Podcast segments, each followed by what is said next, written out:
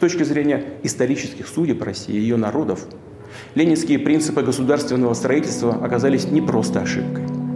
Это было, как говорится, гораздо хуже, чем ошибка. Russlands president Vladimir Putin sitter bak et skrivebord i mørk mahogni og taler til sitt folk og til verden. Han er omgitt av to flagg, det russiske røde, hvite og blå, og det samme flagget med Russlands våpenskjold. Den 69 år gamle Putin, som sedvanlig kledd i mørk dress med et vinrødt slips, ser inn i kamera og forklarer rolig hva han tenker om forholdet mellom Russland og Ukraina. Dagens grenser mellom de to landene er ifølge Putin resultat av historiske feilgrep begått av Sovjetunionens ledere. Det er 21.2.2022, tre dager før han angriper Ukraina. Dette er jo en, en, tale som først og fremst ble holdt for å forberede den russiske befolkningen på hva som skulle komme. Helge Blakkisrud er russlandsforsker ved Universitetet i Oslo. Han tok jo da et oppgjør med den sovjetiske politikken når det gjaldt det å innvilge selvstyre til de største etniske minoritetene. Altså selve opprettelsen av Sovjetunionen som en union og ikke som en enhetsstat. Og mente at det var en historisk feil, og at dette på en måte hadde lagt en tidsinnstilt bombe under hele statsprosjektet.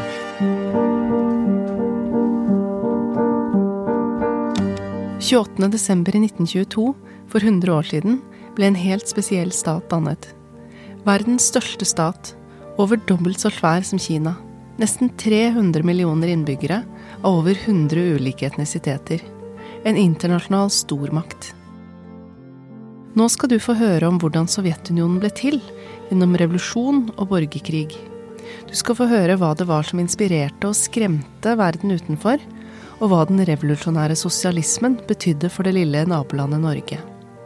Og ikke minst om hvordan Russlands sterke leder Vladimir Putin justerer og bruker historien som et verktøy i sitt krigerske prosjekt.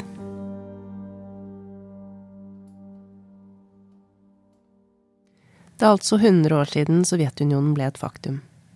Men selv om 1922 er det offisielle fødeåret for Sovjetunionen, starter historien om det sovjetiske statsprosjektet noen år tidligere. Tsar Nikolai 2. styrer på starten av 1900-tallet, og lever i pomp og prakt i Vinterpalasset i St. Petersburg. Hans og tsardynastiets tid er snart forbi. Du kan starte i 1905, da var det en revolusjon en, sånn da, en mislykket revolusjon, da, hvor uh, tsaren var presset tilbake. Det var jo fordi at de hadde hatt et nederlag i krig i 1904 mot uh, japanerne. De skulle satse på sånn liten, vellykket uh, seier i, krig, og så gikk det ganske dårlig. og da gikk det dyrtid, og folk gikk ut på gatene. Og da ble tsaren tvunget til å proklamere et manifest. Pål Kolstø er professor i Russland og postsovjetiske studier ved Universitetet i Oslo. Han har studert de fleste sider ved det russiske samfunnet, inkludert historien. Han forteller at i 1905 marsjerte titusener mot tsaren i Vinterpalasset, og i manifestet han ble presset til å skrive, gis folket flere rettigheter.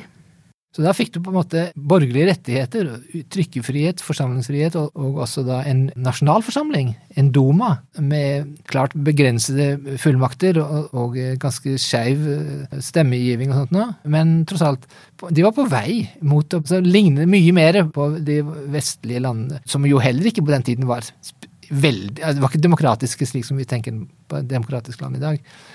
Og eh, mange mener at det kunne gått riktig bra hvis ikke da tsarmakten hadde rotet seg inn i første verdenskrig. Men det gjorde tsaren, og det ble en stor belastning for Russland. Samtidig bygger det seg opp en annen makt i det russiske samfunnet, en revolusjonær kraft. I 1917 var det to revolusjoner i Russland. En i februar og en i oktober. Den første var en bred revolusjon hvor folk demonstrerte i gatene, og politiske krefter gikk sammen. Det førte til at tsaren abdiserte, og en provisorisk regjering, som etter en stund ble ledet av sosialister, tok ledelsen i landet. Så eh, hadde da sosialister og eh, soldater og arbeidere i de store byene de opprettet noe de kalte sovjetter. Og det betyr da råd, egentlig. Så de ville ha en rådsrepublikk. Så da fikk du en parallellstrukturer. Du hadde da den mer vanlige parlamentariske demokrati der oppe, og så hadde du da disse rådene nedenfra. Selve ordet Sovjet er altså betegnelsen på rådsmøtene som nå ble arrangert i byer over hele Russland. Her kunne det gå hett for seg. Det var i hvert fall revoldermøter.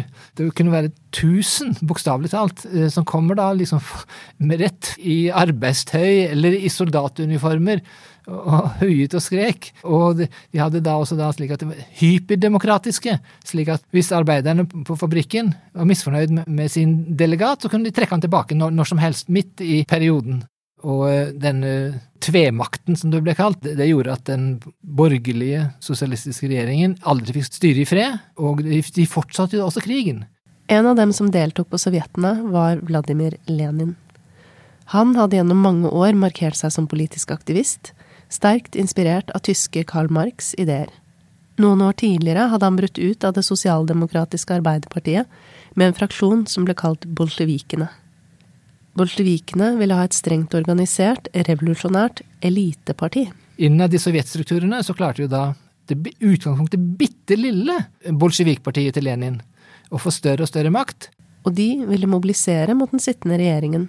Det var jo veldig mange innad i Lenins eget parti som mente det, det kan vi jo ikke gjøre. De er sosialister, og vi er sosialister. Men Lenin trakk helt klart skillet. Nei, nei, skillet går ikke uh, der. Skillet går mellom bolsjeviker og alle andre. Og de som ikke er med oss, er mot oss. Lenin mener alvor. Og han fikk da en ganske dyktig administrator, Leo Trotskij, som hadde sluttet seg til eh, Lenins parti bare et halvt år i forveien. Som på en måte ledet denne oppstanden som de, de gjennomførte i eh, oktober. Oktoberrevolusjonen, den andre revolusjonen i 1917, er i realiteten et politisk kupp gjennomført av bolsjevikene og begynnelsen på Sovjet-Russland. Men veien til makten over det store territoriet som skal bli Sovjetunionen, er på ingen måte rett frem for Lenin og Trotskij.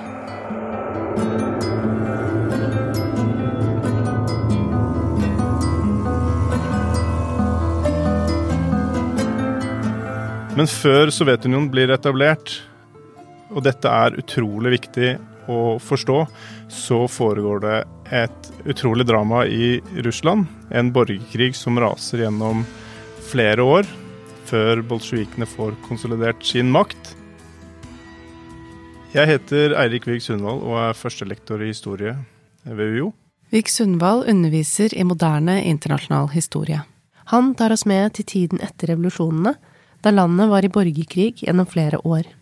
Altså, tiden gjennom borgerkrigen er preget av eh, lovløse tilstander og et statskollaps og, og, et, eh, og et, nærmest eh, anarki mange steder.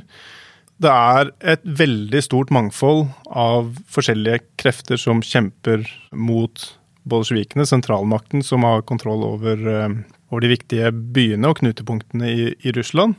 Dette er tidligere tsargeneraler, de såkalte hvite generalene. Men du har også sosialrevolusjonære som uh, kjemper uh, på selvstendig grunnlag. Du har i Ukraina og deler av Sør-Russland store anarkistenklaver som kjemper på eget grunnlag. Du har grønne militser, som er uh, selvstendige lokale bondemilitser. Og så har du langs hele grensen av det gamle russiske imperiet en oppløsning av, um, av Russland Eh, i eh, forskjellige selvstendige stater. Alt fra Finland, som får sin selvstendighet i 1918, til Polen, Baltikum. Nede i Kaukasus har du lignende opprør, og dette, dette fortsetter hele veien mot Stillehavet gjennom Sentral-Asia. Og en del stater lykkes, som Finland, eh, og da gjør de det med hjelp fra utlandet.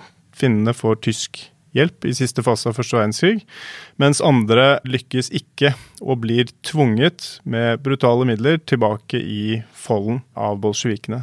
Dette gjelder særlig Kaukasus, hvor selvstendige stater, nasjonaliststater, blir tvunget tilbake som en del av den uh, sovjetiske unionssammenslutningen i 1922. Ser du for deg verdenskartet som et slags brettspill, kan du altså plassere soldatbrikker i rødt, hvitt, grønt og kanskje enda flere farger langs hele kanten av dagens Russland, med forbindelser til allierte i landene utenfor. Kaukasus, som Viksundvall nevner, er altså det som blir Georgia, Armenia og Aserbajdsjan, mens eh, Sentral-Asia er stanlandene Usbekistan, Tadsjikistan, Turkmenistan og Kirgisistan. Det er et enormt område bolsjevikene ønsker å få makten over. Det er veldig veldig fragmentert, og i den sovjetiske propagandaen så er det svart-hvitt. Det er de hvite kontrarevolusjonære mot de revolusjonære. Det er svart-hvitt, de gode mot de onde. Men bildet er utrolig mye mer komplisert. Det er et stort mangfold av krefter i det russiske samfunn. Og så er det en konflikt som er en verdenskrig i seg selv. Og alle dagens stormakter på dette tidspunktet deltar jo og støtter sine allierte. Sett utenfra er det nemlig et mål å begrense kommunistenes makt. Når Sovjet-Russland etterpå skal gå over til å bli Sovjetunionen, er det altså et resultat av opprivende og brutale kriger. Den røde armé og bolsjevikene går seirende ut av disse krigene. Og den opplevelsen bolsjevikene har med seg ut av borgerkrigen, av å ha kjempet en kamp eh, på liv og død mot fiender som kommer fra alle kanter, fra det russiske samfunnet og fra utlandet, og fra grenseområdene hvor nasjonalistbevegelser gjør opprør mot sentralstaten, er veldig viktig for å forstå deres, deres innstilling til statsstyret i ettertid.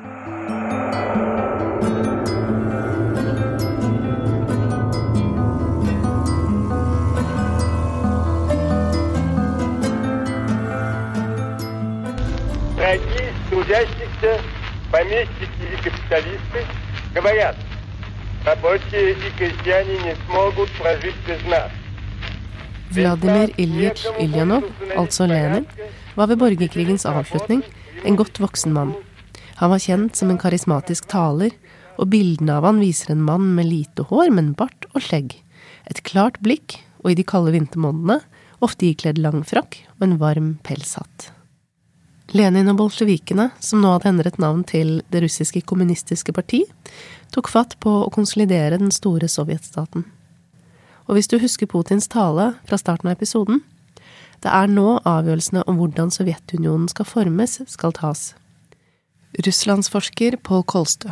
Allerede i 1918 så hadde jo da Lenin og hans folk opprettet den russiske føderasjonen, som da ikke dekket hele Sovjetunionen, men suverent størstedelen av det som de kalte Den russiske sosialistiske føderative sovjetrepublikk, RSFSR, så allerede der var det en føderasjon. På papiret, i hvert fall. Denne føderasjonen dekket hele dagens Russland. Og det som på papiret gjorde det til nettopp en føderasjon, var at områdene hadde en formell, men i dette tilfellet ikke reell, status som autonome.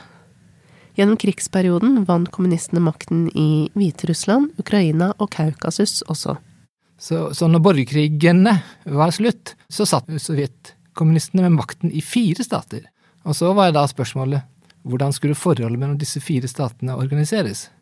Ifølge Lenins visjoner skulle arbeiderklassen ta makten gjennom revolusjonen og innføre proletariatets, altså arbeiderstandens, diktatur. Dette skulle være en overgangsfase før arbeiderstaten ble et faktum. Og den, den kjente ingen grenser, den skulle være for hele verdens arbeidere. Men når det kom til det praktiske, så var det ikke så enkelt. Og Lenin tenkte at strategisk sett så måtte det løses med avtaler med de som ble innlemmet i den store sovjetstaten. Han hadde tenkt på dette allerede før revolusjonen og fått inn i bolsjevikenes partiprogram at nasjonene i en stor sovjetisk stat, de skulle ha rett til selvbestemmelse, inkludert retten til å trekke seg ut. Hensikten med det var jo at han ville utnytte det revolusjonspotensialet som han så i den, det han oppfattet som en sterk nasjonal motstandskraft blant de ikke-russiske nasjonalitetene i det russiske imperiet. Og det har vi diskutert hvorvidt dette var et eh, sterkt revolusjonspotensial her eller ikke, men det, er klart at disse gruppene etter hvert i hvert fall fikk eh, klare aspirasjoner i retning av en identitet som også innebar ønske om en politisk eh, selvstendighet på en eller annen måte. Og, og Lenin la opp til at dette skulle de kunne realisere innenfor hans store multinasjonale stat. Og det var jo en del andre mer sånn rettroende kommunister som følte at dette var kjetteri, nærmest. Og sa at eh, vi kan ikke gi sånne rettigheter til etniske grupper. Det er jo klasser som skal ha rettigheter. Men han fikk det gjennom. Det var riktignok stor uenighet om dette. Josef Stalin, som snart skal bli helt sentral for Sovjetprosjektet, har en innflytelsesrik rolle som minister for nasjonalitetene, altså minoritetene, i Russland. Han ville ha en enhetlig stat, og ikke en føderasjon av selvstendige republikker. Men Lenin skar gjennom, og slik ble det. Og det var en veldig spesiell statsdannelse. Det var den første stat i verden som var bygget på en kommunistisk ideologi. Og eh, kommunismen var i utgangspunktet en antinasjonalistisk ideologi. Og Likevel så var dette også den første stat i verden som ga omfattende kollektive rettigheter til nasjonale grupper. Og helt mot slutten av desember 1922 blir unionen av sosialistiske sovjetrepublikker formalisert. Det aller meste av Sovjetunionen var jo RSFSR, som hadde vært der siden 1917. Eh, så, jeg vet ikke hvor mye vanlige folk oppdaget at det var, skjedde noe dramatisk noe 28. Eh, desember 22. Men, men det er en merkedag. Det som etter borgerkrigen var fire republikker, ble snart fler da Kaukasus og Sentral-Asia ble inndelt i separate republikker. Siden kom også de baltiske statene og Moldova til, og det ble 15 sovjetrepublikker. Hvor det ble vesentlig hvilken etnisk gruppe det var flest av innenfor republikkens grenser. Den etniske gruppen som republikken er oppkalt etter, kaller vi gjerne titulærnasjonen. Og de titulære nasjonene fikk da innflytelse både over eh, ansettelser lokalt, altså i partiet og i statsapparatet, de kunne også gå på skoler hvor de fikk undervisning i sitt eget språk, men det gjaldt kun georgiere i Georgia, hviterussere i Hviterussland osv.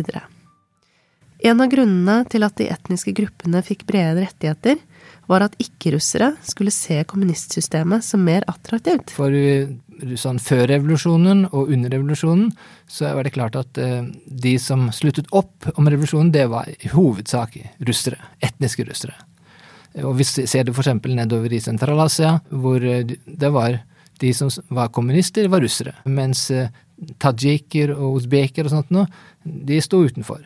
Så, så var det at man på 20-tallet fant ut at man måtte ha det de kalte indigenization, eller karenizatia, en politikk for å, å gi denne strukturen innhold ved rotslåing, betyr egentlig dette uttrykket, at revolusjonen måtte slå rot i befolkningen. Etter at Lenin døde i 1924, tok Josef Stalin over makten i kommunistpartiet. Han implementerte denne rotslåingspolitikken gjennom 20-tallet. Altså, Sovjetunionen var jo også et utdannelsesprosjekt. Mange av disse folkene hadde jo ikke skriftspråk, eller i hvert fall svakt utviklet skriftspråk. Så på, på 20-tallet så, så disse republikkene fikk jo da eh, sitt eget skriftspråk. Og det var masse ressurser som ble lagt ned i det. Og eh, de måtte jo da ha, ha et alfabet Hvilket skulle det være? Det skulle helst ikke være kyrillisk, for det var det russerne brukte, og det ble forbundet med tsarmakten. Nei, da skulle det bli latinsk alfabet, for det var Marx sitt, sitt alfabet.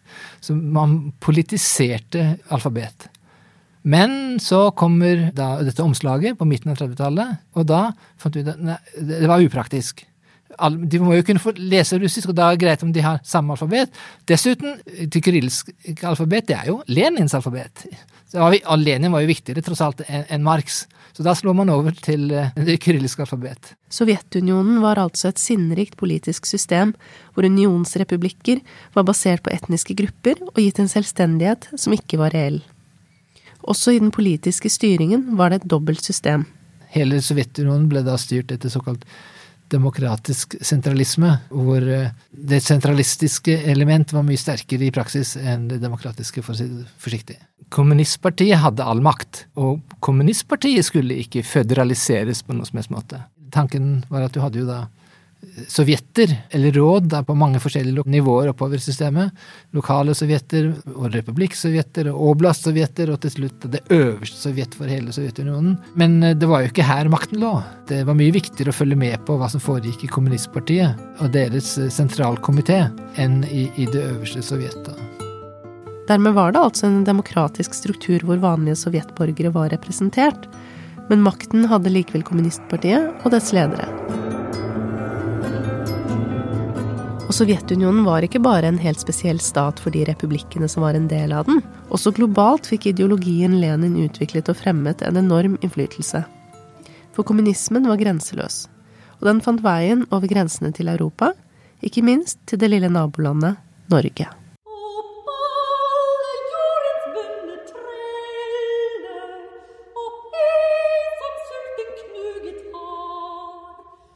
I juli 1920 er sosialister fra hele verden samlet foran Vinterpalasset i St. Petersburg, eller Petrograd som det het den gangen.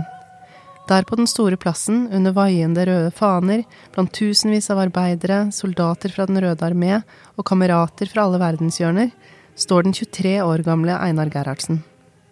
Han er representant for Det norske Arbeiderparti på den andre internasjonale kongressen i Komintern, den kommunistiske internasjonale sammenslutningen. Og nå får han se og høre revolusjonens ledere. Og det er jo eh, all grunn til å tro at det var en eh, formativ opplevelse for ham, hvor han altså får oppleve både Trotskij og Lenin, Bukharin, altså disse store heltene som har gjennomført denne verdenshistoriske bragden. Og han får hyllet dem og feiret uh, sosialismen sammen med kommunister fra hele verden. Det er en sånn følelse av en forbrødring.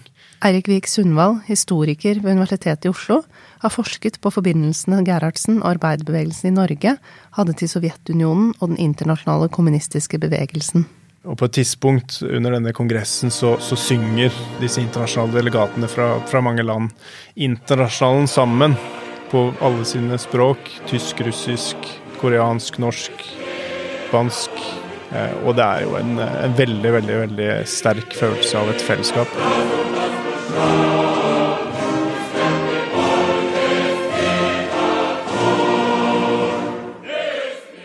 Einar Gerhardsen har sin politiske oppvåkning og sin, sin eh, politiske ungdom i en uh, veldig krisetid for Europa. Gerhardsen, som senere skal bli leder for Arbeiderpartiet, statsminister og Norges landsfader, ser i slutten av tenårene verdenskrigen rase, unge menn dø, og den økonomiske krisa ramme hardt. Og det er en følelse blant veldig mange av hans, eh, hans, generasjon unge sosialister av at den gamle verden er pill råtten eh, og står for fall. Så det er en uh, veldig desillusjonert ung mann som da får sin store oppvåkning og ser i den russiske revolusjonen en forløsning fra all denne miseren som har preget hans politiske ungdom. Som for mange andre unge sosialister i Europa på denne tiden, fremstår Sovjet-Russland som en mulighet, og som en motsats til alt som virker galt i verden. Og han beskriver det selv som altså den russiske revolusjon som, som, et lys i en mørk tid. Og der har du igjen den, denne metaforbruken som er ganske vanlig disse årene. Det er lys mot mørke. Det er eh, helt svart-hvitt. Frihet mot uh, undertrykkelse. Og alt man har av eh, forhåpninger og drømmer som ung sosialist, revolusjonær sosialist, blir kanalisert og, og eh, investert da, i dette fantastiske som skjer i øst. Lenins kommunisme var ikke et russisk prosjekt. Den nasjonalismen er liksom borgerlig konsept. Man har alltid snakket om fram til den russiske revolusjonen at man ønsker en verdensrepublikk. En sosialistisk verdensrepublikk. Så sovjetstaten representerte arbeidere i alle land, ikke bare i Russland. Og det var eh, et absolutt enten-eller. Det var et premiss man ikke kunne stille spørsmål til. Det satte også føringer for hvordan sovjetlederne forholdt seg til sosialistledere og revolusjonære i andre land. Det skulle være den sovjetiske linjen som eh, ble styrende for eh, arbeiderklassen og arbeiderbevegelsen i alle land. Dermed blir forholdet til sovjetregimet helt sentralt for den internasjonale arbeiderbevegelsen i årene etter den russiske revolusjonen. Og dette gjelder jo da i veldig mange land, men kanskje i særlig grad i Norge, hvor de revolusjonære kommunist-bolsjevik-sympatisørene dominerer partiet. fra 1918, hvor de får kontrollen over Arbeiderpartiet. Og Norge er jo ved siden av Italia en av svært få land hvor det dominerende, enhetlige sosialistpartiet går samlet inn i den kommunistiske internasjonalen, Komintern, som de gjør i 1919. Og sosialistpartiet i Norge på den tida, det er Det norske Arbeiderpartiet. Men forholdet til Komintern og Sovjet skal splitte den norske arbeiderbevegelsen. I Norge så fører det til at eh, de prinsipielle sosialdemokratene melder seg ut av Arbeiderpartiet i 1921 og danner sitt eget parti i protest da mot eh, de revolusjonære prinsippene, men særlig tilknytningen til, til sovjetregimet. Utenfor arbeiderbevegelsen er bekymringene langt større. Helt siden revolusjonen har mange europeiske land fryktet den kommunistiske ideologien. Dette revolusjonære regimets eksistens er det store brennpunktet på venstresida, og det er, eh, det er det i veldig høy grad på høyresiden i hele Europa også. Den eh, frykten for at dette skal spre seg, og da legge alt som er bygget opp av sivilisasjon, som man ser fra høyresiden, lov og orden, eiendomsforhold, liberale rettigheter og demokrati Alt vil bli lagt i grus og erstattet av et eh, barbari om, om dette skulle spre seg, og det blir det store skjebnespørsmålet. Og dette gir selvfølgelig veldig høy grad eh, næring til de fremvoksende høyreautoritære fascistbevegelsene. Og i 1922 samme år som Sovjetunionen etableres, kommer fascistene til makten i Italia. Den politiske virkeligheten i Europa er preget av disse to motpolene. Høyreautoritære bevegelser på den ene siden, sosialister eller kommunister på den andre. Og i likhet med Gerhardsen ser venstresiden opp til revolusjonens store helt. Vladimir Lenin har altså en så høy stjerne det er nesten mulig å overdrive hvor høy stjerne han hadde. Han var jo den som hadde lykkes med det ingen hadde lykkes med før. Han hadde jo klart å realisere teorien. Ikke sant? Så han ble jo eh, tilskrevet en sånn enorm innsikt i historiens drivkrefter og hvordan krampen skulle føres, og han hadde en utrolig posisjon og en prestisje som han eh, veldig tydelig selv dyrket og solte seg i glansen av. Mange sosialister hadde nok et portrett av Lenin hengende på veggen på denne tiden, og da han døde i 1924, var sorgen stor. Arbeiderne på Akersmekk legger ned arbeidet vel en ti minutters tid eh, og bøyer sine hoder og har, har en markering for denne store revolusjonære lederen. Trikkeførerne stopper trikkene i hele Kristiania i en fem-ti minutter for å markere Lenins bortfall. Og du har lignende, lignende markeringer rundt omkring i landet da, som viser jo hvilken posisjon både Lenin og andre russiske revolusjonslederne har opparbeidet seg, også utenfor kommunistenes rekker. Selv om Det norske Arbeiderpartiet var tidlig ute med å bli en del av Komintern, skulle ikke medlemskapet vare lenge. Kravene ble for strenge, og i 1923 blir det avgjort at Arbeiderpartiet ikke vil at Norge skal gi fra seg suverenitet til Komintern, og dermed blir de ekskludert. Det at man ikke aksepterer det og blir kastet ut av Komintern, betyr jo ikke at man ikke er sympatisk og solidarisk med sovjetstaten. Det er at man i høyere grad vektlegger at i Norge, under norske forhold, så må sosialistbevegelsen arbeide på eget grunnlag. Russisk utvikling i Russland, bygging av sosialismen der, må være annerledes enn et land som Norge, som er fundamentalt annerledes enn Russland, med sine demokratiske strukturer, høyere industrialiseringsgrad og et helt annet samfunnsgrunnlag for å bygge sosialismen. Så det vinner frem i den norske konteksten. De som var virkelig lojale til Komintern og det sovjetiske prosjektet, dannet Det norske kommunistparti i 1923. De holder på sin absolutte lojalitet, mens Einar Gerhardsen og Arbeiderpartiet riktignok holder på både solidaritet og kontakten med sovjetstaten utover 1920-tallet, selv om det formelle båndet ikke er der lenger. Men så gjør jo denne intensiveringen av diktaturet og de vanskeligste sidene å svelge ved regimet under Stalin gjør det jo stadig vanskeligere å forsvare Sovjet-regimet. Men det er altså først helt mot slutten av 30-tallet, mens Arbeiderpartiet har fått, uh, fått, regjeringsmakten i Norge, at man egentlig gjennomfører et mer prinsipielt brudd, hvor man begynner å stille grunnleggende spørsmål ved ideen om proletariatets diktatur. Og da er det den store terroren fra 1936-37 under Stalin som virkelig presser fram en revurdering av eh, hva Sovjetunionen er tuftet på, og hvordan sosialismen kan realiseres, hva som kan forsvares. For sovjetstaten ble ikke det man trodde. Josef Stalin, som hadde overtatt ledelsen etter Lenin, skulle ta Sovjetunionen i en stadig mer autoritær og brutal retning. Det starter tidlig. Det russiske regimet under kommunistene bruker eh, terror i utstrakt grad helt fra første stund. Hvor de er i en eh, veldig veldig presset situasjon. Både Petrograd, dagens St. Petersburg og Moskva er truet av fiender på flere tidspunkt. Og det er også eh, naturligvis eh, elementer i det russiske samfunnet som motarbeider deres diktatur. Og denne viljen til å bruke terror og det synet på den terroren som helt nødvendig for å i det hele tatt overleve som en eh, revolusjonær stat, bæres videre. Tidlig opprettes Tsjekan, det hemmelige politiet, som er forløperen til det beryktede KGB, som i dag kalles FSB. Så etter hvert så utvides jo fiendebegrepet. Dette begrepet om kontrarevolusjonære trusler utvides. Det er veldig flytende begrep, og det utvides fra reelt kontrarevolusjonære, altså antibolsjevikiske krefter, til alle, eh, også venstrebevegelser som de sosialrevolusjonære, og fraksjoner i bolsjevikpartiet som kan tenkes på noen måte å, å, representere en trussel. Og under Stalin så tar det ekstreme former, hvor det også er liksom forestilte fiender og forestilte konspirasjoner som skal eh, tas. Og de skal kverkes med brutale midler.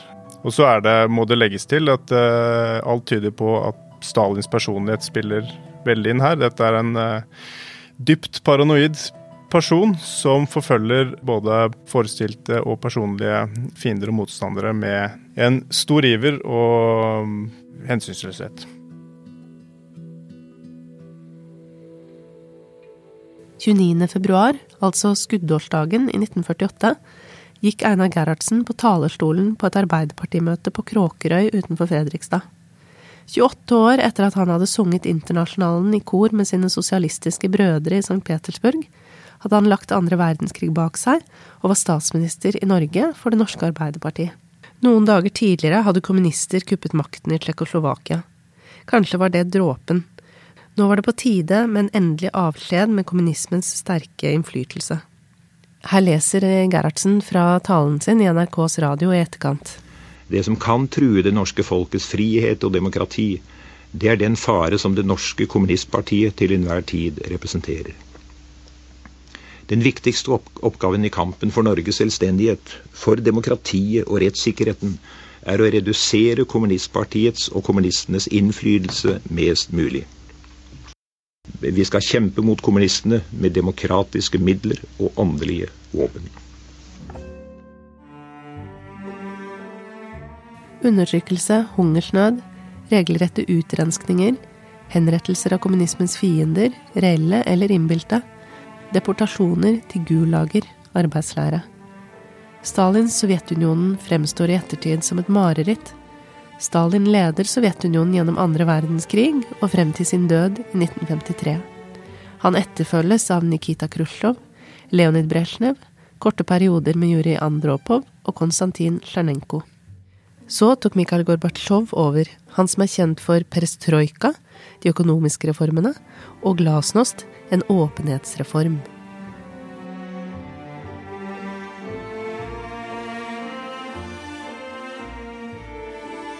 Gjennom alle disse periodene ble grenser flyttet på. Ukraina skulle vokse, og Krim gå fra å være russisk til å tilhøre den ukrainske sovjetrepublikken.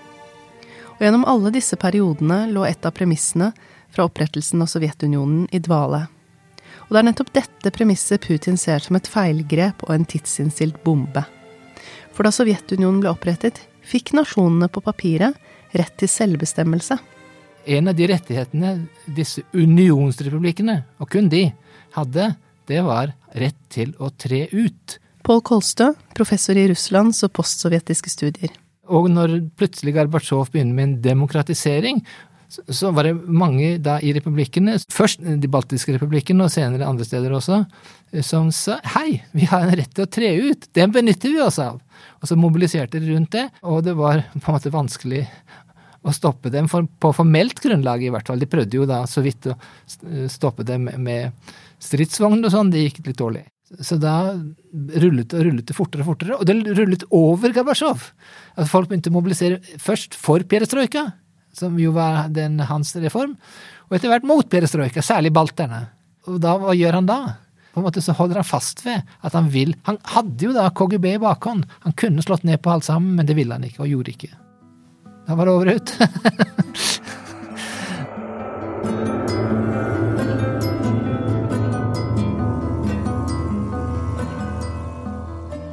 Etter 70 år var Sovjetunionen historie, men det skulle bli stor uenighet om hva denne staten var, og hvordan den kompliserte historien skulle fortelles.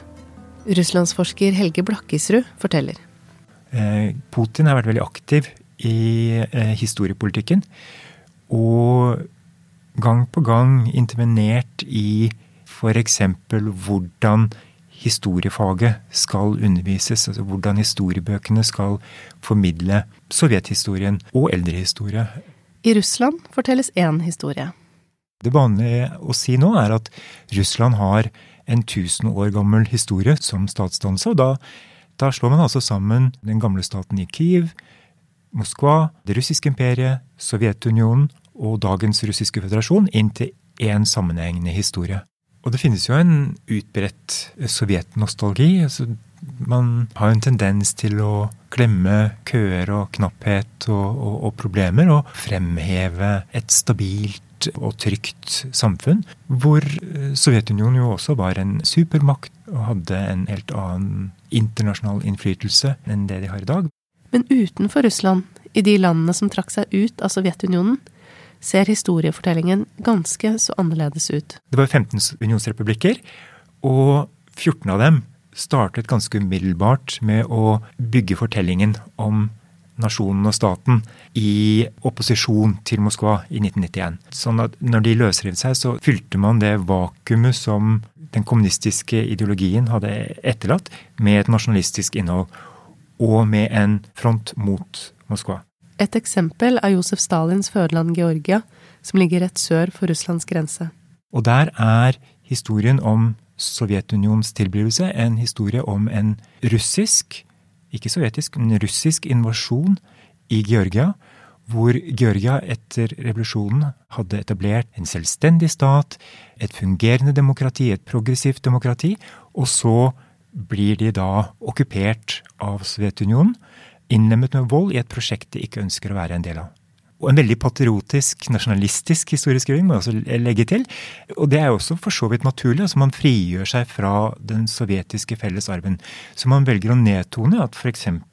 mange av sovjetlederne stammet fra Georgia. Stalin, Beria og Tsjonakidze. De, de har ingen plass i denne historien. Her er det snakk om russisk okkupasjon, russisk undertrykkelse av Georgia, og så en frigjøring hvor man kan gjenetablere selvstendigheten i 1991. Og dette, dette, er på en måte den historien vi ser i alle tidligere sovjetrepublikker, kanskje med unntak av, av Hviterussland eller Belarus. Alle andre steder så har man omdefinert denne perioden, selv om det var en periode av modernisering, økonomisk vekst øh, og velstandsøkning for, for veldig mange. Så har man omdefinert det til kolonialisering, undertrykkelse og okkupasjon. Som vi har hørt eh, tidligere i episoden, var sovjettiden en periode hvor de ulike unionsrepublikkene ble bygget opp som nasjoner, med språk, utdanning og infrastruktur. Det gjelder i Kaukasus, hvor Georgia ligger, men også i Sentral-Asia. Statene i Sentral-Asia ble jo dannet som en del av opprettelsen av Sovjetunionen. Der hadde det ikke vært noen nasjonalstater. Man hadde ikke tenkt i etniske kategorier før revolusjonen. Så, så de er sovjetiske konstruksjoner. Og de ble bygd ut, bygd opp av sovjetiske myndigheter. Men i dag så begynner man å ta avstand fra eh, denne perioden. Og i stedet, akkurat som i eksempelet med Georgia, se på hvilke alternative muligheter de hadde i 1917 og, og, og frem til etableringen av Sovjetunionen. Alternative utviklingsveier som man kunne slått inn på istedenfor den sovjetiske. I Russland har man ikke på samme måte hatt noe å definere seg mot, slik de tidligere sovjetstatene nå definerer seg mot Russland. Men likevel er historien viktig for å samles om en russisk identitet. Helge Blakkisrud har forsket på pensum i russiske grunnskoler. Det er en veldig aktiv bruk av historiefaget i grunnskolen. Både formidle hvem er vi, og hvilke verdier har vi. Det var faktisk på et tidspunkt en, en, diskusjon om man skulle gå over til å ha kun ett verk som tillatt eh, per klassetrinn. Så langt har man foreløpig ikke gått, men man har utover på 2000-tall tatt skritt på skritt for å samkjøre budskapet. sånn at først kom det på plass en mekanisme for å godkjenne alle bøkene. Alle bøker som skulle brukes, måtte ha et uh, offisielt stempel. Så fikk man opp en liste over hvilke epoker og perioder som skulle dekkes. Og deretter fikk man en ny omdreining med å ikke bare uh, at man måtte dekke den og den perioden, men også hvordan den skulle dekkes. Sånn at man formidler de riktige verdiene gjennom historieundervisningen. Så i dag så har man en historisk-kulturell standard, som man kaller det, som sier hvilke begreper som skal brukes, hvilke perioder som skal brukes, og hvordan eh, historien skal vinkles. Skoleelever lærer også om de sovjetiske lederne. Men hva de lærer, det har endret seg. Det har jo vært mye diskusjon rundt Stalin, og hvordan han skal fremstilles eh, i russisk historieskrivning om man skal fremheve utrenskningene og likvidasjonene på 1930-tallet, eller om man skal fremheve seieren i andre verdenskrig, store fedrelandskrigen. Og tendensen der har vært fra at man snakket mye mer åpent om de negative aspektene ved, Stalins brutale regime på 90-tallet, til at man i dag i større grad vektlegger dette som nødvendig anførselstegn omkostninger for å forberede Sovjetunionen på krigen mot eh, Nazi-Tyskland. Stalin blir altså fremstilt mer og mer som en sterk leder som tok nødvendige grep for å berge den sovjetiske staten. Lenin er mindre positiv, vil jeg si, fordi han assosieres med revolusjonen og oppløsning snarere enn etablering av den sovjetiske staten. Sånn at igjen, hvis vi går til skoleverket og sammenligner sovjetiske skolebøker fra tiden før perestrojka og dagens lærebøker, som vi har gjort til et prosjekt, så ser vi at i, i sovjetperioden, når man skriver om revolusjonen, så er det, det én kilde, og det er Lenin. Og Lenin sa, og Lenin gjorde, alt det dreier seg om han som person og hans visjon og klarsynthet. Mens i dagens lærebøker så, så er det mye mer nedtonet, og man ser mye mer åpent på de negative sidene ved revolusjonen. og, og omkostningene som revolusjonen hadde i form av den påfølgende borgerkrigen. Og, og man ser også på ulike aktører i forbindelse med revolusjonen på en mer balansert måte. Altså den provisoriske regjeringen, hvite generaler og Lenin de er på en måte mer sidestilte aktører, mens tidligere så har det bare vært Lenin. Så, så Lenin vil jeg si er eh, en mer tvetydig person, mens, mens, Stalin ser ut til å, om ikke bli rehabilitert, så at, at, det i hvert fall er mye mer vektleggingen av hans innsats for å stabilisere og styrke staten, som jo igjen man kan trekke paralleller til dagens regime og Putins rolle for å styrke og stabilisere den, den russiske staten. Da Putin invaderte Ukraina i februar, fikk lærerne i landet nye beskjeder. Rett etter krigsutbruddet så gikk det f.eks. da ut direktiver til alle grunnskoler om hvordan de skulle snakke om dette i klassene. Hva slags materiale de skulle bruke, og hvordan de skulle vinkle det. Man har startet med et nytt skolefag fra i høst i grunnskolen. Samtaler om viktige ting, som også skal brukes aktivt da for å både forklare hva som foregår i Ukraina, hvilken rolle Vesten spiller, russisk patriotisme, tradisjonelle verdier. Hele denne pakken. Det skal nå inn i, i grunnskolen. Og man skal begynne også med historieundervisning fra, fra første klasse. Man kaller det ikke historie, men man, man, baker det inn i et annet fag. Igjen for å underbygge patriotismen og oppslutningen om, om staten. Når 100-årsjubileet for Sovjetunionen nærmer seg, altså 28.12.2022, er Russland snart ett år inne i Putins krig. En krig Putin forberedte med å gi en historietime om hvor dumt det var å gi republikker som Ukraina selvbestemmelse da stormakten Sovjetunionen ble etablert. Men hva vil skje nå? Sånn som jeg leser eh, Putins historieforståelse, så er det ingen vei tilbake. Han er jo kjent for å ha sagt tilbake i 2005 at Sovjetunionens oppløsning eh, var det 20. århundrets eh, største geopolitiske katastrofe.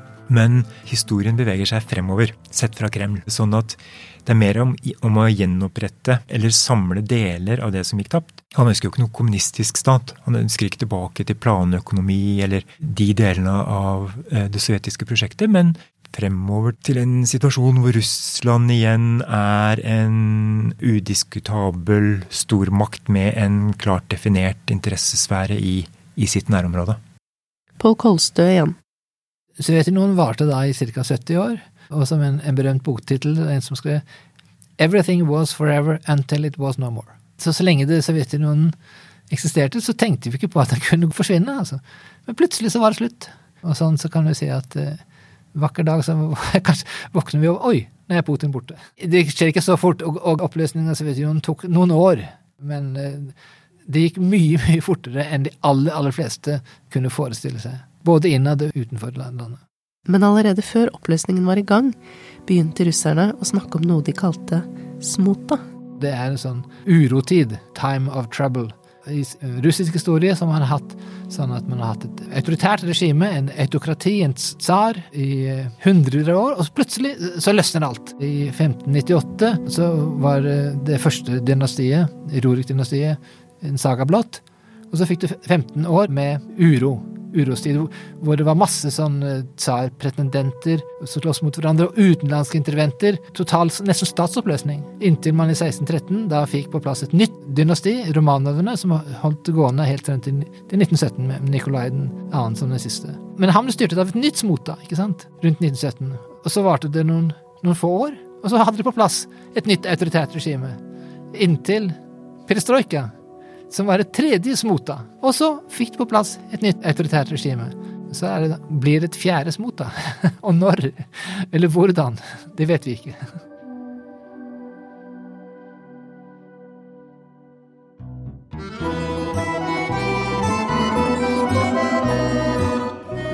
Du har hørt Pål Kolstø og Helge Blakkesrud, henholdsvis professor og førsteamanuensis i russlandsstudier ved Universitetet i Oslo.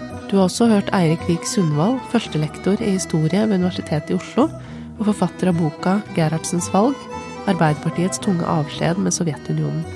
Du har hørt lyd fra Kremls nettsted kremlin.ru, fra Nasjonalbiblioteket og fra YouTube-kanalene til Grex Vokalis, AB Alfabeta og USSR Soviet Chorus. Musikken er fra Epidemic Sound. Petter Løken og Camilla Kloss har gitt gode råd til utformingen av episoden. Vil du høre våre forskere fortelle om flere historiske hendelser? Det er også 100 år siden Mussolini tok makten i Italia. Det kan du høre om i en annen episode av Universitetsplassen. Og Universitetsplassen det er Universitetet i Oslo sin podkast for forskningsformidling. Fortell gjerne om denne podkasten til en venn som vil lære noe nytt. Episoden du har hørt, er laget av meg, Mari Lillelotten, fra Det humanistiske fakultet ved Universitetet i Oslo. Tusen takk for at du hørte på.